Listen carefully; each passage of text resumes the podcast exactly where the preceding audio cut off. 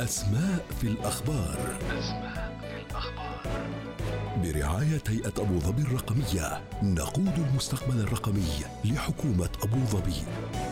قصر قرطاج. هو مقر العمل الرسمي لرئيس الجمهورية التونسية. يقع على ضفاف البحر الأبيض المتوسط قرب مدينة قرطاج التاريخية وعلى بعد 15 كيلومترا شمال شرقي تونس العاصمة. شيد القصر حسب نمط معماري عربي أندلسي تونسي. ويحوي عددا من الصالات تحمل اسم شخصيات وطنية وتاريخية تونسية.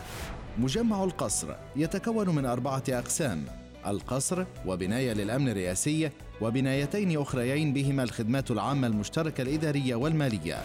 يحتوي المجمع كذلك على مقر إقامة سفير سويسرا في تونس وهي بناية قدمها الرئيس بورقيبة للسفير عام 1962 يوجد في المجمع أيضا موقع أثري روماني لكنه مغلق أمام الزوار لأنه يقع في المحيط الأمني للقصر.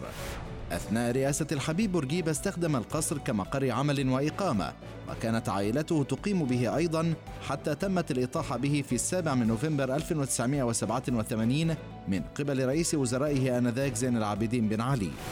رفض بن علي استعمال نفس مكتب سابقه فأعاد تهيئته وكذلك هيأ مكتبا آخر لزوجته ليلى طرابلسي. بن علي استعمل قصر قرطاج للعمل فقط.